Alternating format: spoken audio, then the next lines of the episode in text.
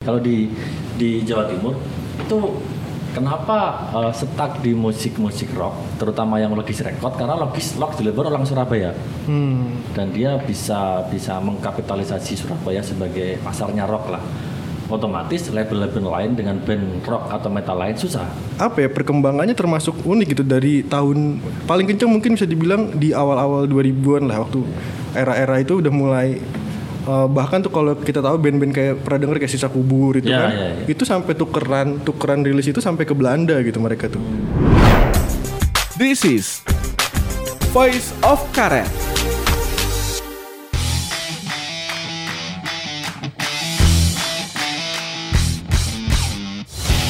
Halo sobat bisnis, ketemu lagi dalam acara Voice of Karet. Saya kali ini eh, ditemani sama salah satu metalhead karet, Mr. Adi. Oke, gimana kabarnya Di? Ah, baik baik mas. Pandemi masih jaga-jaga kesehatan lah ya. Ya masih masih alhamdulillah sehat.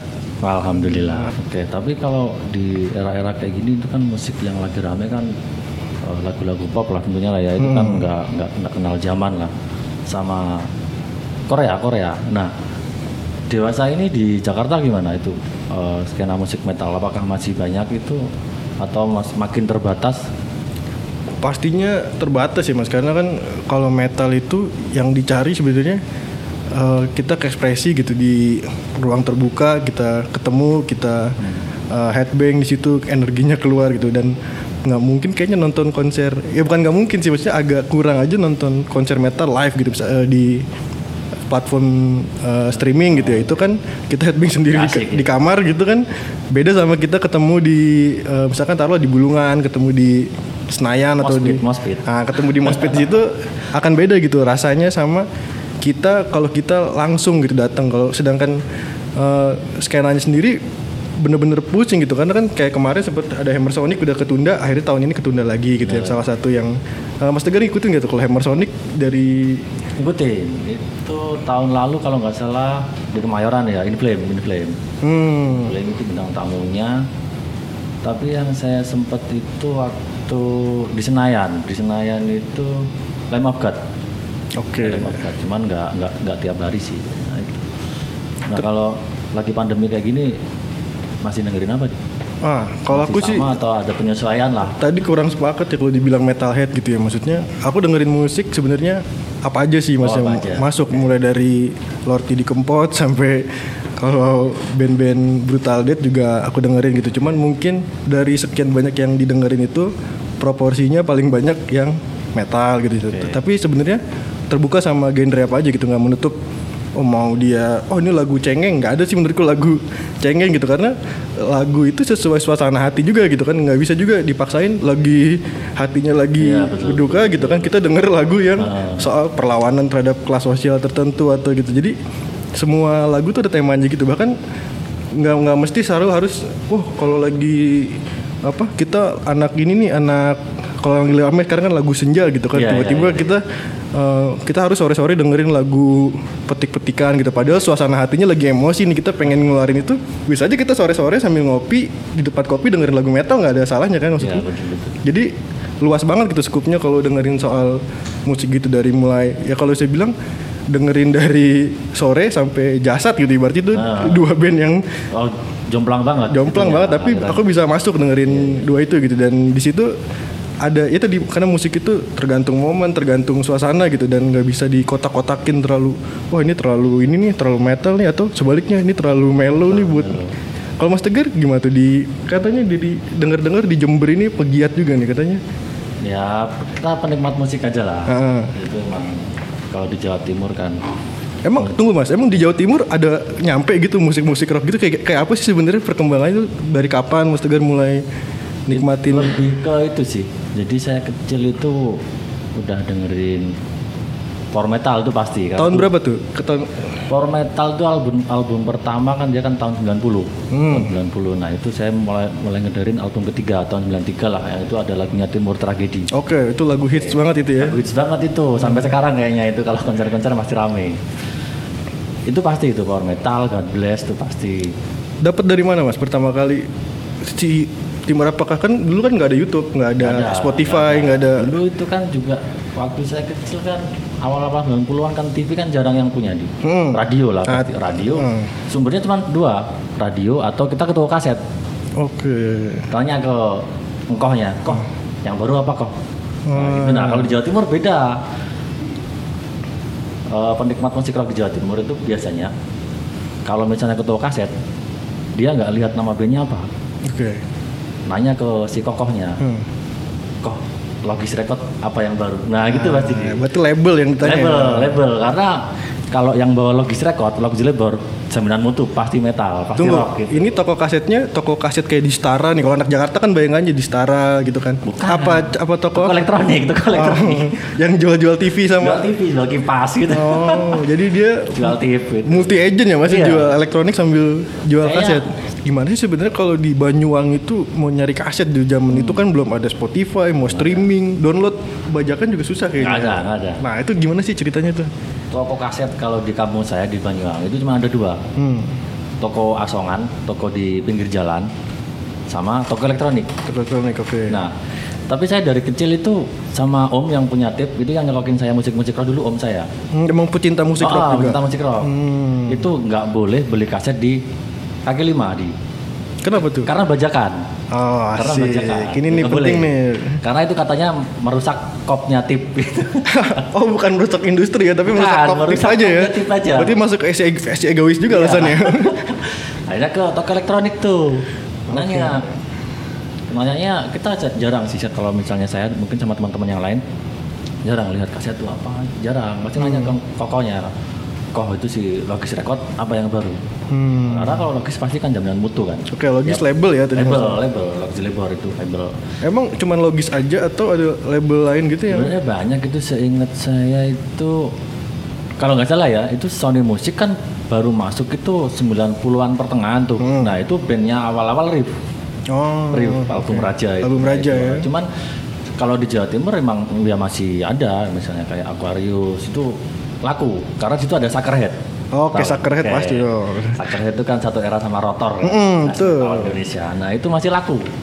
Oh, oke. Berarti emang Jawa Timur ini cukup panas ya, skenanya cukup maksudnya. panas sih. Cuman cuman konsisten juga di. Jadi mulai dulu sampai sekarang tetap musik rock itu apa. Kayaknya stagnan di situ sih. Tapi emang maksudnya apa yang dijual itu cuman musik rock aja atau juga band-band waktu itu kan mungkin slow rock lah, atau turun dikit lah itu yang Hmm. atau yang band pop juga ada tapi apa emang masyarakat di sana tuh suka banget sama musik rock itu di Band pop pasti karena itu kan si mereka kan juga jualan kan. Hmm. Terus juga apa?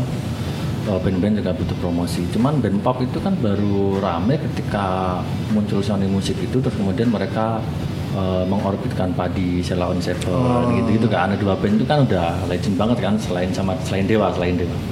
Nah itu.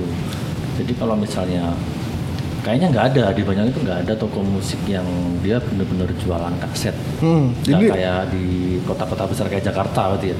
Tapi sama sih Mas di sini juga tokonya campur gitu. Hmm. Campur jualan yang tadi jual TV, jual AC gitu. Kipas gitu-gitu. Mesin cuci kan. Kayaknya sampai hari ini masih ada nggak kalau di sana? Di Jakarta sih. Kayaknya udah nggak ada. Udah nggak ada ya? Nggak ada. Oh. Terakhir itu dulu kalau misalnya dulu kan orang tua kan merantau di Bali. Hmm. Ya, itu tiap ke Bali pasti kalau ada namanya Planet Musik di sana. Oke, bagus sih. Itu satu toko full kaset atau di Jember waktu kuliah itu itu pun juga toko kaset di Jember itu juga masih jualan elektronik juga padahal itu gede. Hmm. Nah, kalau di Jakarta, Jakarta gimana?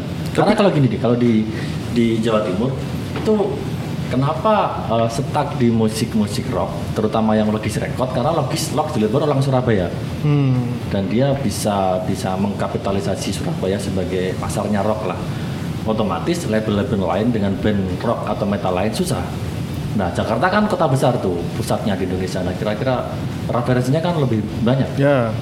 Nah, Jakarta sendiri tuh sebenarnya skenanya gede banget ya maksudnya maksudnya gimana pun juga nih kan melting pot gitu ibu kota kan maksudnya dari dari Bandung juga ada yang sampai ke sini dari tadi termasuk juga dari Jawa Timur itu namanya berkibar di Jakarta kan. Nah, nah ini tuh apa ya perkembangannya termasuk unik gitu dari tahun paling kencang mungkin bisa dibilang di awal-awal 2000-an lah waktu era-era itu udah mulai eh, bahkan tuh kalau kita tahu band-band kayak pernah denger kayak sisa kubur itu Ya, kan ya, ya. itu sampai tukeran tukeran rilis itu sampai ke Belanda gitu mereka tuh. Buat membeli karyanya gitu kan itu. Dan emang eh, orang-orangnya ini ya mereka teman-teman aja satu-satu si ini bikin band ini gitu satu tongkrongan gitu. Dulu kalau ya. Ah, ah, dulu tuh kalau diinget pern- eh, bulungan itu juga juga salah satu apa ya tempat ibaratnya tempat hajatan lah anak metal di Jakarta gitu sebelum kalau mungkin dulu ada poster ada yang lebih tua-tua lagi dari jujur aku generasiku belum masuk situ ya itu udah yang di atasku lagi gitu tapi sampai tapi emang paling puncaknya selalu orang bilang itu pasti di Metallica datang ke Jakarta waktu 93 93 ya. 93. Kalau Surabaya kan sudah duluan datang kan Sepultura kan. Sepultura. Ya kan. Nah, di Jakarta tuh apa ya, sejak Metallica datang itu udah booming kan dan kondisi sosialnya waktu itu pas sama musik metal kan karena kita udah 30 tahun di bawah rejim yang sama. Kritik sosial Nah, ya.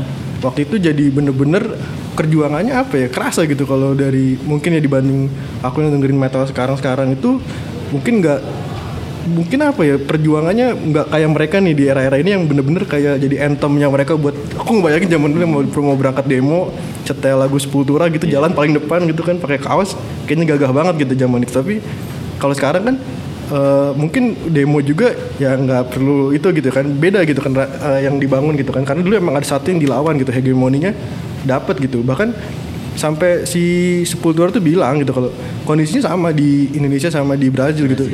Kondisi kita sama negara berkembang bedanya aja di sana. Mayoritasnya agamanya ini di sini agamanya gini gitu.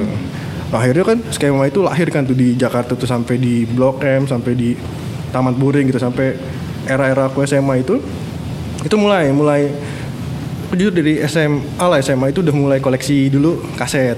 Nah ada satu Kayak CD atau kaset tip sama CD Kita ya. kaset tip sama CD dulu ada satu toko namanya di Taman Puring itu di atas namanya Budi Diprok nah itu Om Budi ini yang meracuni banyak anak metal di Jakarta lah. Jadi dengan dia tuh oh, seleranya dulu zaman zaman dengerin Sadus band-band yang band-band kayak Secret Rage gitu kan. Dia dengerin Exodus gitu. Nah itu dari situ lahir tuh banyak termasuk eh, kalau tahu Daniel Dead Scott itu kalau nggak salah itu salah satu rekomendasinya dia gitu padahal dengan toko sederhana di atas Taman Puring itu aku inget banget dulu tapi selain toko dia yang memang khusus metal kan di situ juga banyak loakan kaset tip gitu ya, yang kaset bekas. zaman tip itu belum booming lah kayak sekarang di Instagram harganya selangit gitu. Aku inget masih inget beli kaset tip tuh sepuluh ribu, lima ribu karena waktu itu emang bener-bener masa peralihan nih dari gimana orang tadinya beli kaset tip, zaman-zaman kaset tip, terus akhirnya masuk kan di era download digital tuh MP3 apa tuh eh, apa namanya masuk ke streaming streaming YouTube. Nah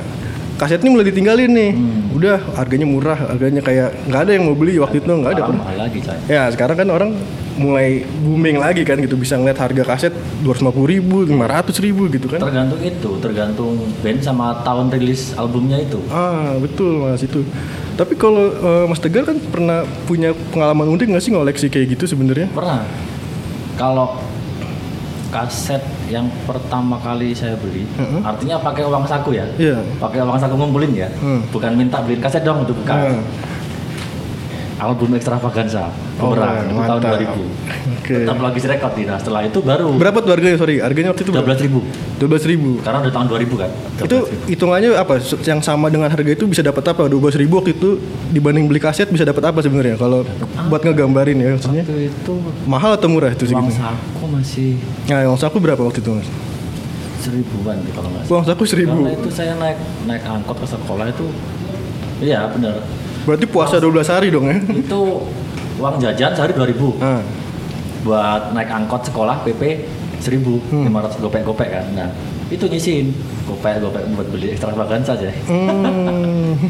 kan kalau dulu kan kalau beli kaset pertama oke bandnya sama labelnya kedua kalau ada band banyak misalnya kayak Bumerang itu kan dia ngeluarin album eh, Larang Tuka sama album Best Balletnya itu kan hampir bersamaan itu kami belinya yang tracknya banyak Oke. jadi biar nggak rugi kalau extravaganza itu kan tracknya banyak 12 lagu kalau nggak 12 salah lagu. Oh, perhitungan sampai situ. Perhitungan ya? lah, namanya zaman dulu kan ada Hmm. duit kan itu aja kalau misalnya ngedengerin ngedengerin itunya pindah dulu ke rumah om tadi Oh, karena tipnya. karena timnya di situ Oh.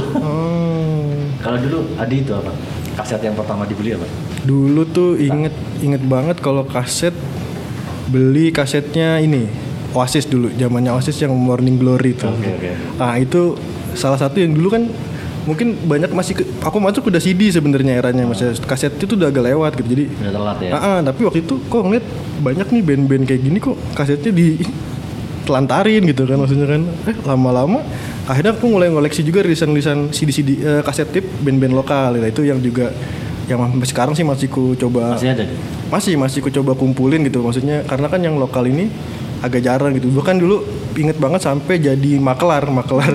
Dulu tuh sampai buat nyari duit karena kan masih SMA belum punya duit segitu gitu masih jadi waktu itu aku inget Dead Squad itu baru barulah dia baru naik setelah konsernya Lamb of God. Nah waktu itu aku kenal sama Bang Andian Gorus drummernya.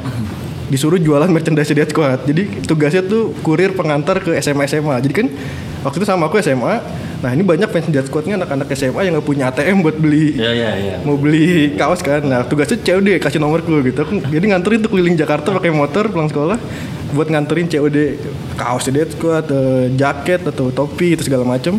Di situ dapat duit tambahan akhirnya ya itu diputar lagi buat barang-barang berhala ini tadi kan buat yang beli kaos beli kaset sampai yang namanya anak sekolah kaos jaket itu kan Iya iya. di mana masih pakai kaos band, jaket band itu kan dulu kebanggaan gitu ya. Meskipun sekarang udah jarang dipakai gitu, tapi kalau dulu tuh nabungnya di situ dan akhirnya waktu itu mulai gini kayak eh, jangan beli kaos doang dong sama jaket tapi mulai dong beli eh, album gitu, beli reka eh, Kaset. kaset, beli tip gitu biar nggak cuman lu gaya doang tapi lu ngerti juga sama musiknya, apa apa sih sampai kan yang seru juga kan kalau kaset tuh kita ngeliat tuh di bukletnya itu kan ini siapa sih soundman-nya Iya. ya kan Thanks to siapa Ah, aja. Oh, thanks to- temennya ini temennya Nah, ini. itu kan salah satu yang apalagi tuh pengalaman yang buka bungkusan kaset itu kan nggak ada yang ngalahin ya Mas ya ketika ada pitanya kan dulu. ada pitanya gitu kan kayak sini eh, sebagai redaktur makro tahu kan itu isinya cukai gitu kan Ada pitanya gitu. ditanya kan nah itu itu yang sensasi yang nggak bisa digantikan sama sekarang kita Spotify gitu kan yang kayak akhirnya kita lebih appreciate sama bahkan gini dulu satu kaset kan karena nggak punya belum punya uang kita dengerin berulang-ulang. Iya, iya. sampai akhirnya kan apal kan mas di situ kan. Akhirnya dapat kesempatan nonton nonton bandnya itu udah siap nyanyi gitu. Kalau sekarang kan banyak orang dengerin satu lagu dua lagu pas konsernya baru ngapalin lirik udah mau konsernya karena banyak banget pilihannya kan. Nah itu di era-era koleksi yang terbatas itu justru jadi kita ibaratnya dididik jadi fans yang setia sebenarnya. Kayak gitu.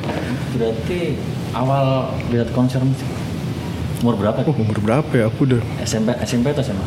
kayaknya SMP ya masih kayak Apaan?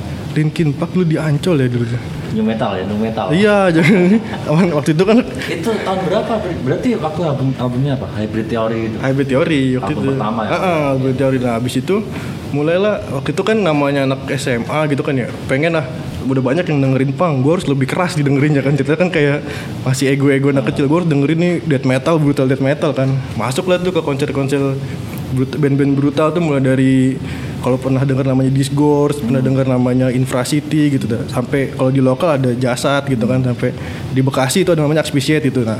Itu mulai tuh keracunan yang jadi sering banget pokoknya minggu malam gitu kan. Minggu malam besoknya upacara gitu, malamnya jam 2 masih nyangkut di mana gitu kan pulang nonton gitu kan masih. Ya itu tapi itu nggak tahu kenapa waktu itu dilakuin aja gitu mas. Sampai yang namanya siksa kubur lah itu kalau Jakarta itu kan punya uh, band andalan ya siksa kubur, Dead Vertical sama Noxa lah tiga itu yang headlinernya setiap konser gitu. Sampai akhirnya uh, Andian ini bikin Dead Squad gitu. Akhirnya Jakarta punya lagi nih Dead Squad gitu. Sekarang udah setelah Dead Oh, Squad ini banyak ya? makin banyak udah. Tapi kan namanya siksa kubur namanya Dead Vertical itu mereka ya itu salah satu yang pionir lah di Jakarta gitu kalau Mas Degar gimana Mas? Kalau konser sendiri dulu gimana Mas? Maksudnya Konser. ada acara apa sih di Banyuwangi itu yang maksudnya tempatnya di mana gitu yang Nah, dulu itu kan belum ada aturan yang melarang rokok menjadi sponsor konser musik. Oke. Nah itu banyak banget di. Jadi waktu SMA itu udah kayaknya hampir sebulan sekali lah. Itu ada aja rokok ini, rokok ini, rokok ini itu konser musik. Di sekolah atau di mana? Di stadion, stadion. Oh, stadion ya. Stadion kalau di, di kampung kan. Nah itu yang yang agak agak unik waktu itu nonton seleng, nonton seleng tapi bukan di Banyuwangi di Hmm. di Jember itu kelas 2 SMA kalau nggak salah itu kan lumayan kan tiga jam kan naik motor kan nah itu openingnya vokalisnya White Lion Hmm. Mike Tram kalau nggak salah ya. Hmm. nah itu oh, itu akhirnya besoknya sekolah nyampe rumah subuh Itu bayar berapa Mas? Kalau Bayar, zaman itu apa gratis aja gitu? Kadang kan bayar dong Berapa waktu itu inget nggak harga? Kalau nah ini kalau uh, konser yang disponsori rokok itu pasti murah. Oh karena gede ya sponsornya Ah, dia ya. ah. Jadi waktu itu kalau misalnya kayak Arif itu konser di Banyuwangi itu ada dulu ada ada salah satu rokok lah. Itu cuma lima ribuan lah rata-rata. Itu maksimal sepuluh ribu itu dapat rokok ya. Oh Dapat rokok. SMA udah punya rokok satu bungkus, keren kan? keren. Keren. punya tiket konser punya rokok ya kan. Nah, nontonnya agak yang punya dikit. itu pasti itu ya. Pasti ya harus Pasti, pasti. pusing-pusing dikit ya nontonnya. Dikit. Tapi kayaknya kalau di daerah agak beda. Kayaknya nggak cuma di di Banyuwangi ya. Eh, referensi musik daerah sama Jakarta pasti beda. Hmm. Jadi kalau misalnya di Jakarta itu waktu nyari gampang banget kan kayak album pertama yang dibeli kan Oasis. Hmm. Nah itu kan gampang banget. Misalnya eh, kalau di daerah itu ingat banget. Itu aku nyari Metallica yang Black Album Hmm? yang ada Anderson Moana itu. Itu di Jember. Di Banyuwangi nggak ada di. Hmm. Emang susah. Andai pun ada pasti udah diambil orang kali ya. Maksudnya udah Itu berebutan pun, gitu. ah, itu pun udah maksudnya udah lama maksudnya nggak nggak di tahun itu ya. Karena kan udah lama kan masih diproduksi karena itu. Karena emang kalau di di daerah emang susah kita. Susah nyari nyari apa? Dulu punya dulu beli albumnya Edan E itu yang yang apa yang Borneo itu? Hmm. ke Bali Planet Musik Planet Musik Bali. Nah itu lengkap. Kalau di daerah emang susah Hmm, tapi ada nggak maksudnya di, kayak gitu pinjem-pinjeman ah sampai gitu Oh, cerita ada colong-colongan kan Oh colong bukan pinjem ya maksudnya. Enggak, akhirnya kan akhirnya kan kaset yang ada di rumah itu kan akhirnya kaset warisan nih. Banyak banget itu kaset pita. Dari om tadi itu Dari ya? om tadi, kaset warisan lengkap. Udah. SMA Hmm. jadi markas tuh rumah. Tiap hari kan kan deket deket sekolah kan. Jangan-jangan Ahmad Dhani Satu, markasnya di situ juga lagi. Satu satu satu itu. Oh, jadi lama-lama hilang habis. Lama hilang habis. Sekarang udah nggak tahu. Sekarang udah sama Udah sekali. nggak tahu karena karena yang pewaris selanjutnya itu adikku itu dia udah besar di zaman digital kan. Hmm. Jadi dia itu SMP aja udah ngasih flash disk, cariin lagu ini dong. Jadi Hmm. lewat MP3 udah bukan lewat itu lagi.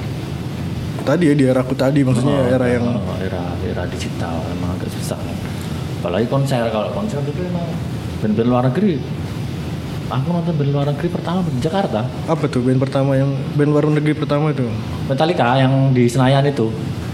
Oh, yang yang 2000 openingnya Seringai. Ya, sama Raisa kan. Uh, Uh. Metallica nonton Skitro nonton Yang terakhir ada balon-balon dilempar itu kan. yang ada Jokowi lah. Oh, iya betul betul. Jokowi belum presiden tapi. Betul. Raisa waktu itu ini ya pakai baju seringai ya kalau. Oh, Raisa masih lajang.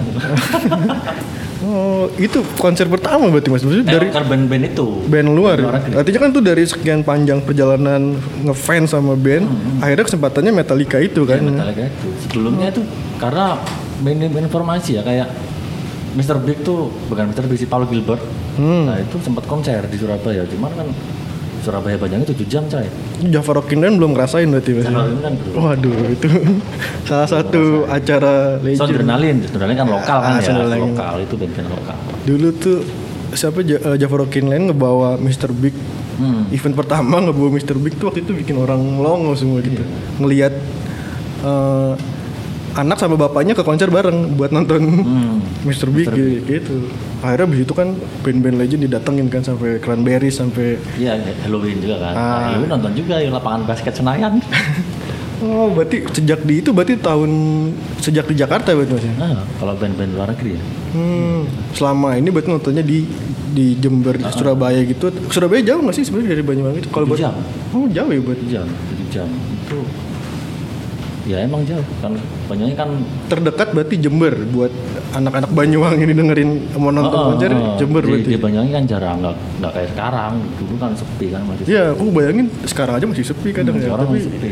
dulu udah sampai Jember itu dan bisa masuk musik-musik rock gitu maksudnya. Iya ya kalau orang sih emang iya cuman kalau yang dari luar negeri sih emang Nah. kayaknya lemah referensinya. Tapi ada nggak sih mas maksudnya sk- apa ya stigma dari kan maksudnya kan beda kalau di kota besar mungkin orang dengerin lagu yang liriknya aneh-aneh gitu kan. Tapi ini kan eh, taruhlah ini di daerah gitu mas ya. Maksudnya di daerah itu gimana sih pandangan orang dengan orang yang dengerin musik rock terus punya rambut gondrong itu kan. Aku lihat tempat Mas Tegar waktu kuliah juga rambutnya gondrong Iya, gitu iya, dengerin. bener. itu pernah nggak sih ditanya orang gitu ngapain sih denger lagu kayak gini? Atau ada itu dulu ada. Nah itu kalau nggak salah itu ada lagunya Sepultura yang saya lupa judulnya dia pokoknya itu video klipnya dia di padang pasir Mm-mm. ada salibnya Hmm. itu musiknya keras kan Sepultura jadi orang tua orang tua di kampungku lah pokoknya itu kalau ada anaknya ngedengerin musik keras itu musik Kristen masih bukan Kristen ya Kristen gitu. karena apa karena video klipnya ada salibnya Hmm.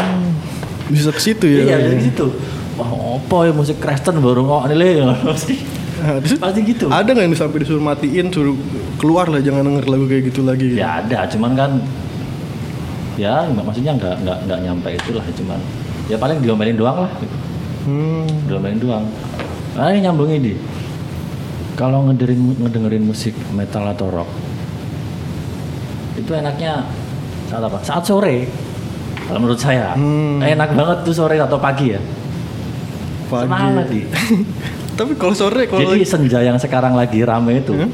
kita udah ngalamin senja itu cuman musiknya beda tapi kalau sambil deadline dengerin musik rock kayaknya pecah juga kepala. karena sekarang udah kerja Coba sambil ngitung pajak gitu kan, sambil ngitung pajak gitu dengerin lagu Sepultura kan yang ada datanya loncat-loncat kan. Iya. Tapi sore ya, bisa dengerin oh, sore sore sampai sekarang sampai sekarang kalau WFH Hmm? itu sore pasti pagi juga. pagi ya pagi kan rapat pagi tuh Ah. sambil nungguin rapat udah Dengerin masih. Dengerin. Dan itu masih rutin Mas, sampai hari ini gitu. sampai sampai sekarang Tapi emang nggak ada maksudnya mas genre lain yang apa gitu mungkin dari jazz atau dari bisa susah telinganya coy oke kayak telinganya udah kolot ini telinga kolot ya jadi maksudnya kan kalau kayak aku masih dengerin tadi kan yang Ah. sampai ke sana sana gitu kalau Mas Tigar udah bener-bener rock pokoknya band baru Indonesia itu yang masih yang cocok di telinga itu KPR hmm. kelompok penerbang roket. Susah kalau ini. Sisanya selain itu nggak masuk? nggak masuk. Hmm. kalau Adi kira-kira sekarang lagi dengerin apa yang sering? Apa ya karena pandemi mungkin banyak-banyak merenung kali ya kalau jadi lumayan kayak dialog dini hari ya buat buat jam-jam 2 pagi jam-jam 3 pagi kan lagu-lagu orang bilang kontemplasi ya bukan lagu senja lagi gitu kayak ya ya benar-benar. sambil sambil sambil merenung besok bikin berita apa ya gitu. Kalau orang dulu jam 2 pagi Scorpion. Scorpion coy. Betul betul sih. iya ya bener ya. Sek- sekarang ya anak-anak sekarang ya gitu kan mulai tapi jujur sih kalau senja gitu malah jarang malah jarang dengerin lagu tadi karena pekerjaan kita Ah. biasanya sibuk di senja ya udah nggak punya waktu gitu. Tapi kalau ada waktu eh, minggu malam lah minggu malam tuh waktu yang nggak tahu buatku yang in between antara weekend udah mau habis besok mau masuk kerja itu itu waktu yang bisa buat kontemplasi tuh enak tuh yang. Tapi kalau metal sih biasanya kalau perjalanan paling enak tuh. Kalau lagi Jakarta kan macet Iya, jalanan kan kayak daripada misu-misu sama orang kan mending dengerin beat-beat kenceng itu enak gitu kayak kita melintir gasnya itu lebih Lebih kencang. lebih kencang jadi dibanding dibanding melintir kepala orang kan mending melintir gas aja gitu. Jadi ya pasti ada penyesuaian sih selama pandemi gini kan ya Mas Jaka tadi bilang mungkin yang dulunya sering didengerin karena waktu aktivitas normal gitu beda. Sekarang kita dengerinnya juga agak beda gitu kan. Bahkan sampai sekarang kan belakangan musim lagi nih mas lagu-lagu daerah terutama Jawa Tengah itu kan jadi kempot ya Oh, Didi Kempot, siapa lagi tuh yang Los Gandos gitu yang model-model Lost Lost Doll. Doll, Lost Doll. Nah, Lost Doll itu kan juga masuk kan artinya. Hmm. Itu juga mungkin dulu dari dulu lagu kayak gitu emang udah rame Mas di di kalau di itu udah rame sih sebenarnya emang lagu rakyat ya sebenarnya. Ah, cuman kalau di Jawa Timur kan dia terkenalnya kan sama koplo kan ya, koplo kan oh. dari sana kan maksudnya bahkan sampai sekarang itu eh, orkes-orkes koplo yang katanya mahal itu memang dari sana jadi memang dari dulu Hmm. jadi kalau misalnya rock koplo ya kayaknya itu ya kontras banget ya Enggak sih di sebenarnya. Jawa Timur maksudnya rock oke koplo oke tapi popnya ini yang tengah-tengah ini yang Kalau kita susah suka nonton di YouTube kan ada nih lagu-lagu koplo yang tengahnya dikasih lead-lead Oh, gitar, di- lead-lead gitar Iya. yang rock kan sebenarnya kan. Ya itu, itu kan berarti Nah. bukan bukan dua hal yang terpisah gitu ini kadang. Mungkin juga dia kadang kalau lagi weekend dia band rock, kalau Sabtu bi- karena itu coy karena yang bisa dapetin duit ya dangdut ya dari situ dia dapat duitnya kan. oh, Nah, tapi dapet itu dari Bercetak. metal dia nggak jalanin idealismenya gitu. oh, Dan- nggak dapet duit kan ya kalau di jadi kebanyakan emang anak-anak band itu Oh, jadi main dangdut tapi banyak dong berarti ya maksudnya yang emang Banyak. kan pasti menyadari kan ketika kita nonton apa lah yang palapa lah palapa itu pasti kan punya bagian solo gitar gitu kan yang solo gitar itu mungkin ngambil dari Scorpion atau ngambil part-partnya dari Zeppelin gitu kan Orang dulu ada itu adalah lagu daerah itu dikoplo pakai melodinya voodoo. buset Salam untuk dia itu. Itu beneran. Ah. Sampai sekarang masih ada itu di YouTube. Oh, ya kan berarti kan itu dua apa ya sebenarnya jadi warna Iya, kebudayaan. Kayak kalau di Jawa Tengah nggak kayak gitu. Jawa Tengah eh, beda gitu ya. Mungkin apa Jawa Timur karena wilayah pesisir tadi masih Bisa jadi, bisa jadi. Ya, Pesisir. musiknya kan musik musik iklim gitu kan Ah, sesuai gitu kan kalau karena misalnya kalau Jawa Barat dengan pasti kalau band-bandnya kan dengan yang gendangnya kaya gitu kan sama masuk di situ kan. Hmm. Kalau Jawa Timur karena pesisir tadi tadi ya masuk. Tapi Jawa Barat metal masih masuk coy. Ah, Jawa, kalau Jawa Barat sih Ya apa ya nggak bisa nggak pernah mati sih kalau metal namanya hardcore itu dari sana gitu mas emang Jakarta ibaratnya campurannya tapi kalau kita mau beda eh, metal paling gede ya dari Jawa Barat gitu kan yang ibaratnya gimana dulu kalau pernah dengar tragedi Burger Kill yang Iya, iya. desok-desokan itu kan sampai akhirnya konser dilarang di Bandung gitu sampai akhirnya mesti ke Cimahi dulu ada Cimahi bergetar kalau Iya. pernah dengar nah, itu event-event kayak gitu zaman aku kuliah di sana sempet tuh ada masanya konser dilarang di kota Bandung gitu jadi mesti geser dulu ke daerah-daerah pinggiran gitu dan tapi susah ngebendung namanya di Bandung itu. Namanya ngeliat orang pakai kaos metal itu ya di jalanan normal aja gitu. Sampai yang dari yang original sampai yang bootleg itu bukan hal yang apa ya masih bukan hal yang wah gitu loh orang tiba-tiba ada bapak-bapak gitu lagi nyiramin tanaman pakai kaos jasad gitu kan. Itu kayak gua- udah hal yang biasa, biasa ya? Heeh, mungkin kalau di Jakarta nggak segitunya kan. Mungkin di Jakarta tuh eh, sebagian orang lah yang ini. Tapi kalau di Bandung itu juga ya tadi mungkin dia emang rootsnya di sana udah kuat gitu kan Bandung juga banyak gitu di musik-musik indie indie pop itu. Oh. Nah, cuman saya agak bingung ini. Emang beda ya? Musik pop sama musik indie. Ah. Maksudnya apakah indie itu termasuk aliran musik atau dia jalurnya distribusi aja? Oke, mungkin pemahamanku pribadi nih Mas ya kalau ah, indie itu sih sebenarnya bukan genre Mas ya. Oke. Indie itu kan lebih ke movement gitu. Tadi sama kayak ada metal satu jari gitu. Nah, indie ini tuh bentuk movement dari si senimannya atau si Hmm. musisinya ini dalam mempublikasikan karyanya, dalam menciptakan karyanya gitu, bukan genre gitu. Tapi kan sekarang udah meluas jadi indie ini adalah genre gitu Iya, ibaratnya kayak ini genrenya musik indie nih padahal sebenarnya dia mainin lagu pop Padahal ya pop pop mau pop aja. Ah, atau dia mainin lagu jazz gitu. Tapi bahkan kalau pernah nonton atau nanya ke Payung Teduh sendiri gitu yang salah satu mewakili folk lah paling booming lah dia bisa gitu. Dia sendiri nggak nggak mau ngedefine genrenya dia apa gitu. Dia bilang si Is ini dulu mantan vokalisnya bilang ya terserah mau ngasih label ini jazz, mau ini bilang folk, mau ini setengah jazz, mau setengah folk, mau bossa nova, mau apa terserah gitu dia. Yang penting dia berkarya dengan apa adanya. Ini yang semangat indinya ini kan sebenarnya kan. Nggak nggak ngerti nggak nggak mesti harus dilabeli dengan apa gitu kan. Itu jadi kayak sampai akhirnya kan melucut lagi udah indie indie folk folk senja lah itu udah udah udah pengkotakan lagi kan. Nah, tapi juga nggak salah juga mereka yang mau melabeli itu karena Kayaknya itu strategi pemasaran kali ya. Iya tapi bentuk apa ya mas? Itu bentuk mereka melabel itu juga ya nggak masalah itu interpretasi mereka kan. Berarti eh, mereka cuman yang sering jadi masalah kan ketika mereka ngelabelin wah indie ini ini nih band-band pop ini yang di TV atau yang ini bukan ini nih band indie nih gitu. Atau sebenarnya ini band band mainstream gitu tapi dibilangnya indie gitu karena cuma lagunya petik-petik gitar gitu kan. Padahal kan ininya di situ movementnya itu kan kalau Ya harusnya seperti itu.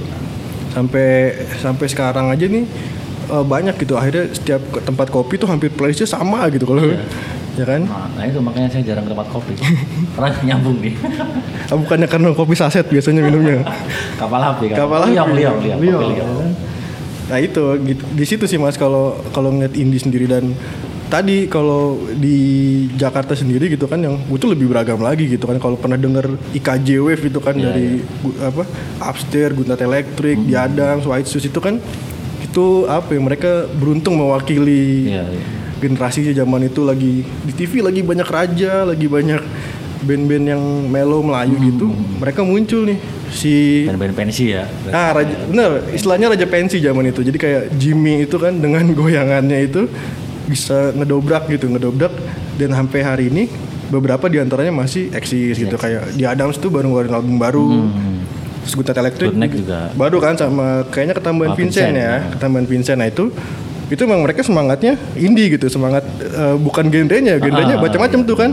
misalkan dari eh, Good Night Electric sendiri misalkan sebenarnya elektronik post punk gitu lebih si Upstairs juga lebih ke post punk gitu kan dengan Adams yang lebih ke alternatif Hmm. gitu nah itu kan itu genrenya tetap tapi itu balik lagi mereka juga pasti nggak mau dilabelin eh ini band pop ya. Ah, itu udah semangatnya yang dicari sebenarnya atau yang dilihat dari si movementnya ini gitu Oke lah, intinya itu nggak ada yang salah sama selera ya. Iya, nggak ada yang salah. Ada yang salah sama musik. dan nggak nggak kayaknya nggak ini juga nggak kita nggak berhak nih menghakimi orang yang dengerin oh oh dia dengerinnya top chart 40 nih Iya, iya, terus iya. dia selera musiknya rendah nggak juga atau dia dengerinnya Korea atau dia dengerinnya eh, band-band apa lagu-lagu Jepang yang anim-anim gitu ya nggak masalah gitu itu kan tadi musik nggak bisa di define kotak-kotak nggak bisa oh lu kalau udah denger metal lu nggak boleh denger lagu lagu-lagu Jepang gitu atau lu denger Korea lu nggak boleh denger lagu indie ya, terserah gitu itu nggak ada tuh pengkotakan gitu karena musik tadi sifatnya universal tadi kan. Hmm. sifatnya gitu nggak ada yang ibaratnya harus wah kalau denger ini paketnya ini gitu kan. Nah, tapi yang seringnya kan jadi sekarang tuh yang kalau kita tahu di aplikasi Spotify gitu kan udah dipilihin nih. Playlistnya. Heeh, jadi kayak oh udah di generate aja nih udah Oh, dia suka sukanya lagu metal gue kasih rekomendasi yang ini ini aja deh gitu kan akhirnya dia terkotak aja di situ kan dengan padahal ya enggak kan terserah mau mau tiba-tiba Mas Tegar dua hari lagi suka Justin Bieber Iya. ya nggak masalah gitu kalau pas lagi pas nih Justin Bieber suasana hatinya gitu kan sama atau Selena Gomez tiba-tiba pakai Intinya ini sih, kalau Pram kan bilang Pramudia Anantatur adillah sedalam pikiran. Nah. Nah ini kita harus adil sejak dalam telinga. asik Oke, sampai ketemu di Voice of Karet selanjutnya.